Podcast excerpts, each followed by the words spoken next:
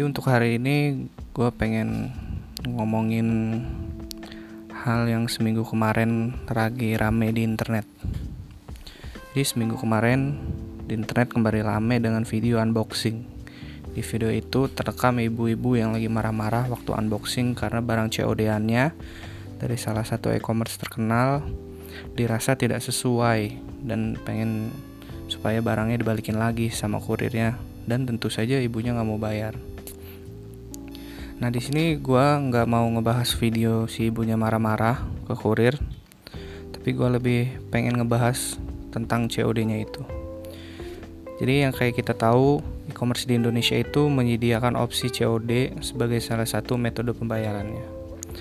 COD sendiri itu artinya cash on delivery, yang mana kita bayar barangnya saat sudah sampai ke rumah Metode bayar ini sebenarnya udah dikenal lama ya di dunia FJB internet forum jual beli.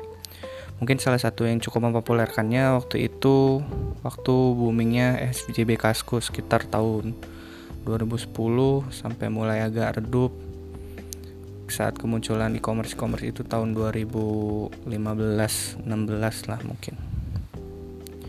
Oke, balik lagi ke video yang lagi rame jadi si ibu itu ngerasa kalau barang yang dia beli itu nggak sesuai saat barangnya sampai. Si ibu ini pakai opsi pembayaran COD sehingga ngerasa bisa nolak kalau dirasa barangnya tuh nggak sesuai. Nah, yang jadi masalah di sini karena menurut gua si ibu ini beda pemahamannya tentang COD yang umum dipakai di FJB dan COD sebagai metode pembayaran yang ada di e-commerce. Kalau yang umum dipakai, yang gue rasa orang lebih ngeh yang ini, COD itu biasanya kita ketemu sama penjual di tempat yang udah ditentukan. Kalau dulu sih zaman zamannya waktu itu Sevel masih ada, biasanya tuh temuannya di situ, di Sevel tuh. Nah, pas kita ketemu biasanya barang yang mau kita beli kita ambil tuh bisa kita cek cek dulu gimana gimana nya penampakannya sesuai nggak sama fotonya? Kondisinya bagus atau gimana? Nah terus kalau ngerasa oke okay sama barangnya baru kita deal dealan sama penjualnya. Kita nego lagi harganya pasnya di harga berapa. Atau kalau ngerasa kurang nih sama barangnya kayaknya kurang serak gitu.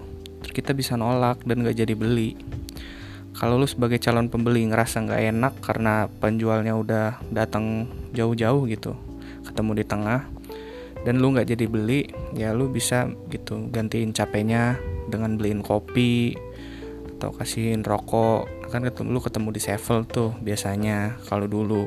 Nah lu bisa beliin minum lah atau camilan-camilan gitu. Nah kalau untuk kasus ibu ini tadi COD di sini tuh sebagai metode pembayaran jadi kita cuma ganti cara bayarnya aja. Biasanya kita bayar pakai transfer bank atau bayar di minimarket.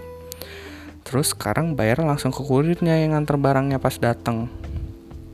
Dan di sini kita posisinya nggak bisa nolak kalau misalnya barangnya datang dan ternyata pas dibuka nggak sesuai.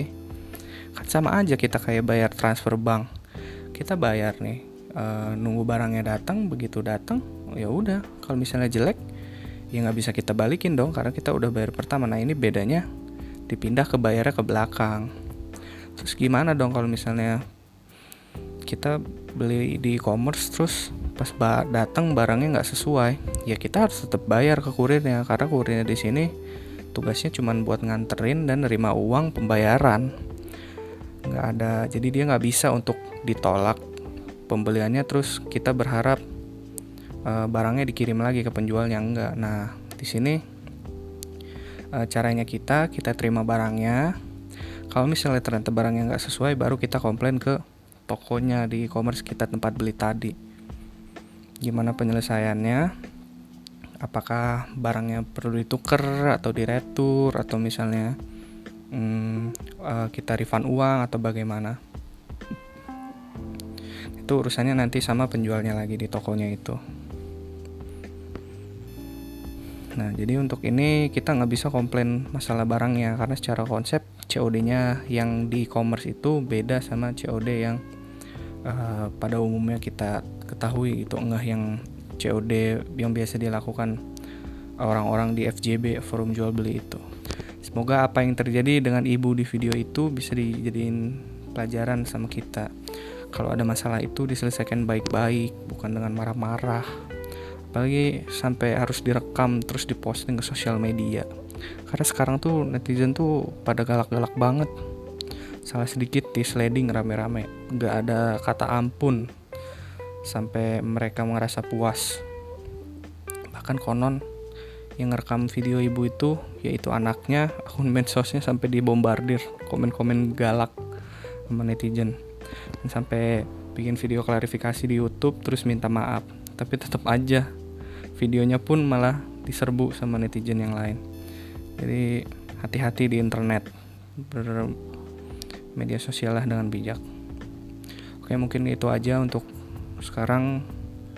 Thank you yang udah ngedengerin. See you